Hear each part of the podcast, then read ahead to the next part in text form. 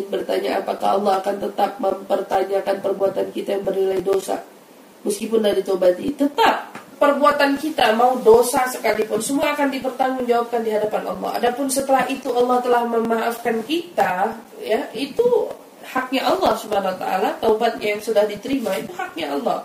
Makanya saat kita membayangkan akan pertanyaan Allah yang mungkin akan sulit kita jawab, berbanyaklah berdoa untuk masuk surga tanpa hisab, tanpa dihisab, tanpa dipertanyakan oleh Allah Subhanahu wa taala. Dengan apa doa kita kalau wudhu basuhan tangan pertama Allah ma'ati kita biyamini wa adkhilni jannah eh, bighairi hisab. Doa aslinya kan wahasibni hisaban yasira Ya Allah berikan catatan amalku melalui tangan kananku, ya, catatan amal baikku melalui tangan kananku, dan hisablah aku dengan hisaban yang ringan. Yang saya tahu doanya itu seperti itu. Tapi kalau saya diajarin sama guru-guru saya di Hadramut dulu, jangan ngomong hisab aku dengan hisaban yang ringan.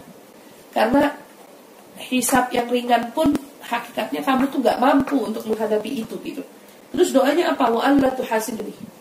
Au adkhilni jannah bighairi hisab Ya Allah jangan kau hisap aku atau masukkan aku ke surga tanpa hisap doanya begitu aja jangan minta hisap yang ringan hakikatnya kalau minta itu sama Allah yang tingginya dulu adapun nanti dapatnya hisap yang ringan kan masih mending daripada yang dapatnya hisap utuh gitu.